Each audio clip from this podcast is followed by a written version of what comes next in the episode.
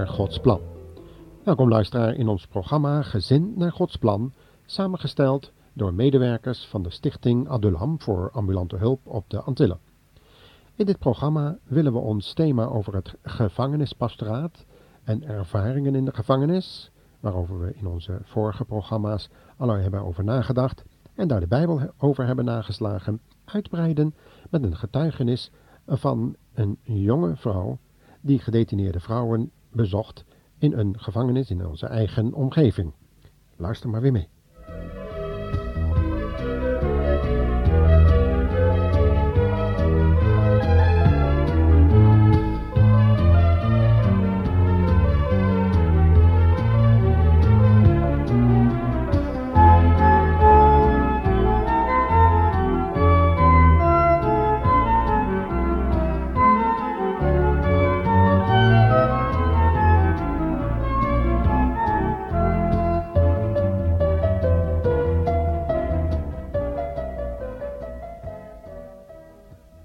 Stelde deze bezoekster van de vrouwelijke gedetineerden enkele vragen. Onder andere deze. Zeg, nou willen we jou eens vragen. Welkom overigens in onze studio. Maar wat heeft jou eigenlijk uh, gedreven om vrouwelijke gedetineerden te bezoeken in de gevangenis? Om eerlijk te zijn, ik was ook wel erg nieuwsgierig naar die meisjes daar in de gevangenis. Hoe ze leefden, wat ze dachten, ja, ik wilde dat gewoon weten. En uh, ik was natuurlijk nog nooit op deze manier echt binnen in de gevangenis geweest. En op deze manier leer je natuurlijk ook kennen, uh, ja, leer, je meisjes kennen die, waar je eigenlijk nog nooit contact mee gehad hebt vanuit je eigen leven. Ik heb begrepen dat je aan, tijdens die bezoeken aan vrouwelijke gedetineerden ook enige bijbellessen hebt gegeven. Heb je ook ervaren dat de Heer Jezus ook werkelijk daar wilde werken en ook onder die vrouwen troost wil verspreiden, zoals we dat in onze vorige programma's hebben laten zien. Heeft dat ook werkelijk effect op de levens van die mensen? Eigenlijk gedurende de lessen voelde ik heel duidelijk dat hij daar was. Hij nam heel vaak de, eigenlijk de lessen over en leidde, me naar onderwerpen die ik misschien niet eens voorbereid had, maar waar de meisjes vragen over hadden of waar we uit, op de een of andere manier op uitkwamen automatisch stond er, ontstond er een, een bepaalde band tussen ons. Vooral als we over de liefde hadden die de Heer Jezus had voor ons. En door deze band die we met elkaar hadden, als we elkaar aankeken, geloof ik zeker dat, dat de Heer Jezus daar in het midden van ons was. We gingen gewoon van elkaar houden. En, en ik geloof zeker dat het de liefde van God was die dit, deze meisjes bewerkte.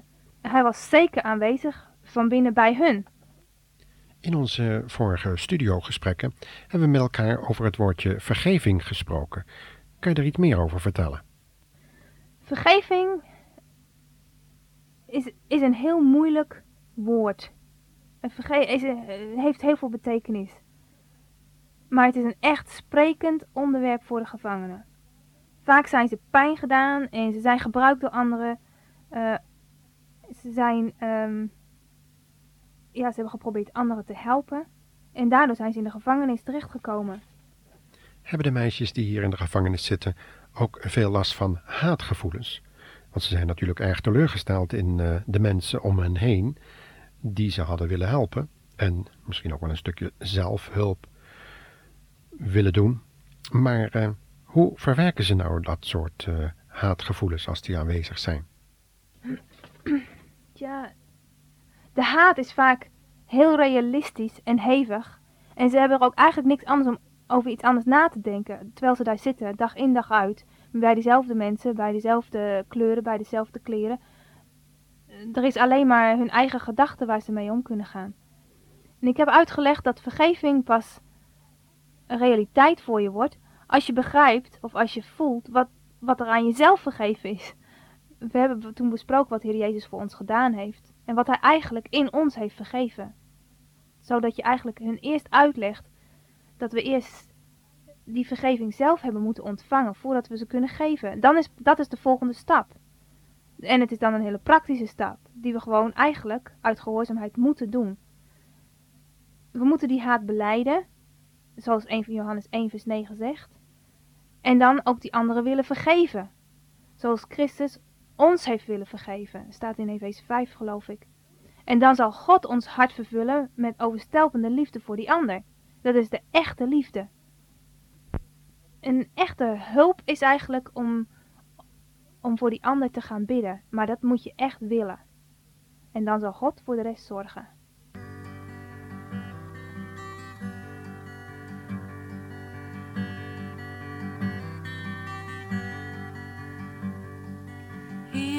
Maakte weer zoveel fouten vandaag en ik luisterde niet naar wat u vroeg. Of ik ergens iets goeds deed, is nog de vraag.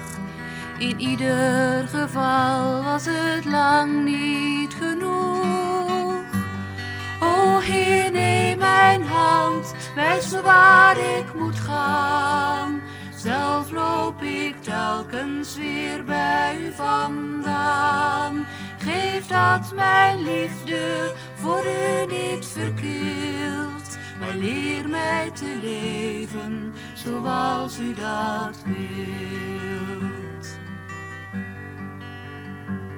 Met mijn woorden heb ik weer zoveel anderen bezeerd. En ik had weer zo weinig geduld. Er zijn zoveel dingen die ik niet heb geleerd. En zoveel beloften die ik niet heb vervuld. O Heer, neem mijn hand, wijs me waar ik moet gaan. Zelf loop ik telkens weer bij u vandaan. Geef dat mijn liefde voor u niet verkeelt, maar leer mij te leven zoals u dat wilt. Ja, maar ja, ik mag je wel zo noemen. Ik heb hier een gedeelte uit de klaagliederen van de profeet Jeremia voor me. Hoofdstuk 1, vers 18. Wacht, ik zal het even voorlezen. Daar staat, de Heere heeft gelijk, want wij zijn tegen hem in opstand gekomen. Maar toch, volken rondom, luister en kijk naar mijn vertwijfeling en angst. Want mijn zonen en dochters zijn als slaven weggevoerd naar verre landen. Eigenlijk is dat best uh, toe te passen op de mensen die hier in de gevangenis zitten. Sommigen komen uit Suriname, anderen weer uit Amerika, sommigen uit Nederland en ook wel hier.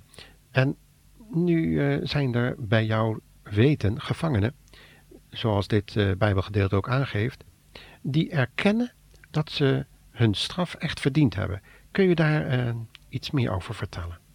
Ja, sommigen hebben inderdaad openlijk beleden, maar ook heel vaak moet je ze eerst eigenlijk moet je eraan werken of moet je ze duidelijk maken wat zonde is, wat, verkeerd, wat ze nou eigenlijk verkeerd gedaan hebben. Ja, ze snappen dat ze het verkeerd gedaan hebben volgens de wet. Maar je moet ze uitleggen dat het zonde is. Dat ze in die zin vergeving nodig hebben van God. En in die zin ook, ja, um, uh, besef hebben van wat ze gedaan hebben. Ja, bedenk maar eens dat bij, bijna alle meisjes komen uit een criminele achtergrond. Waarin ze hun levensonderhoud verdienden bij, uh, bij dingen te doen die volgens de wet als, um, ja, als overtreding gezien worden. Maar het is hun leven en, en, en, op die manier overleven ze. Het is heel moeilijk om hun te zeggen van daar moet je mee stoppen. Ja, daar moeten ze ook inderdaad mee stoppen.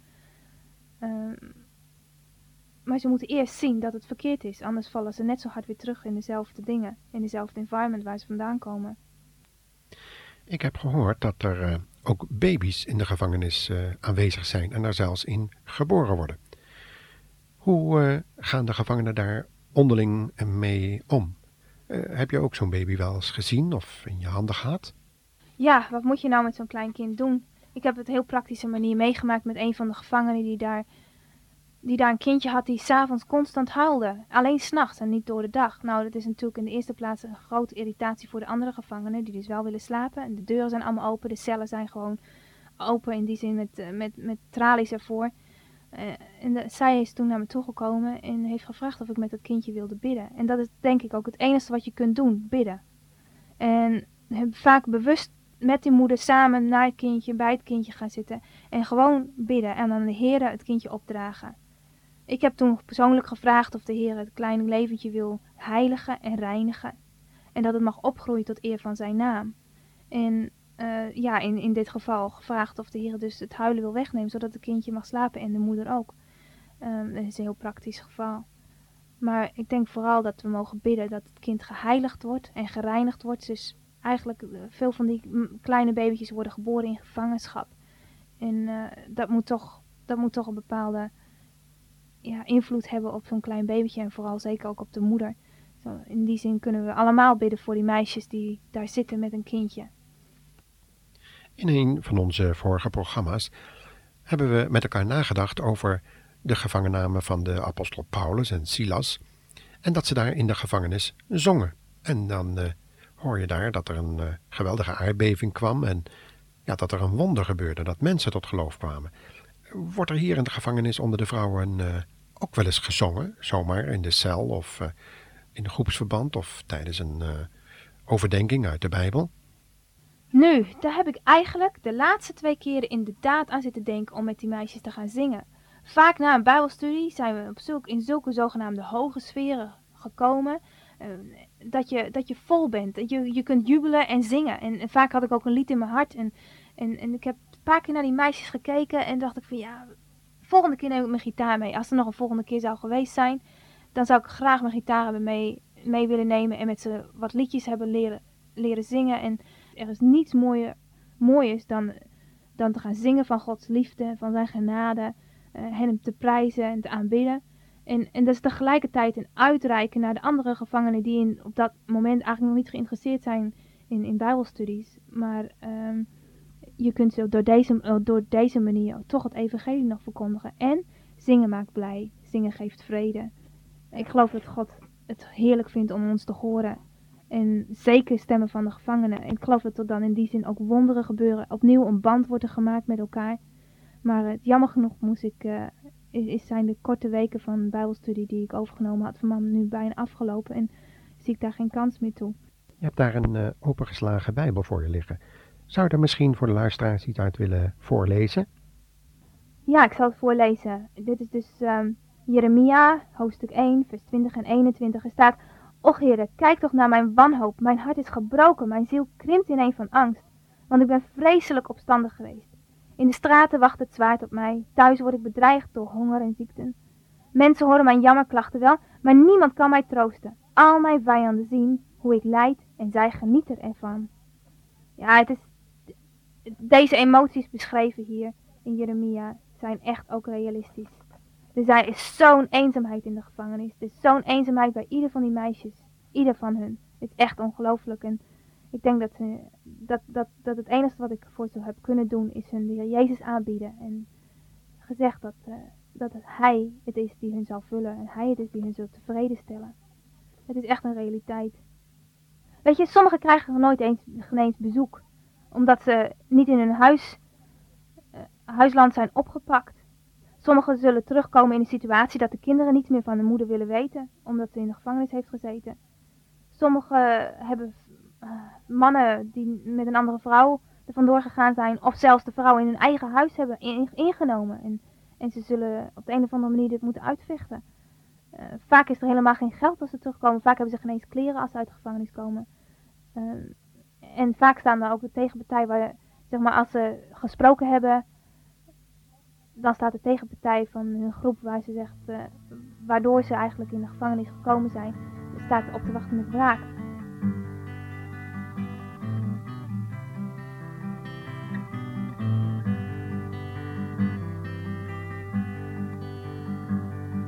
Vergeef alstublieft wat verkeerd was vandaag.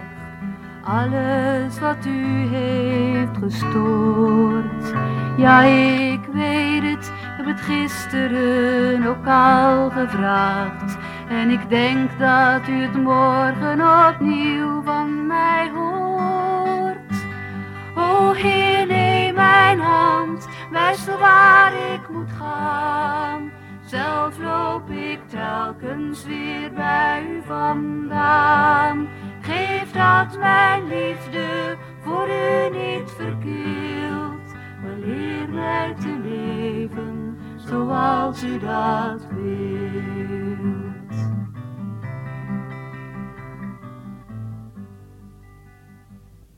Maar ja, wil je tenslotte nog een persoonlijke ervaring doorgeven? Deze laatste keer hadden ze mij een, eh, een hele mooie kaart geborduurd met uh, Maria, God bless you, op het, daarop geschreven. Dat heeft echt mijn hart geraakt. Geef dat mijn liefde voor u niet verkeerd, maar leer mij te leven zoals u dat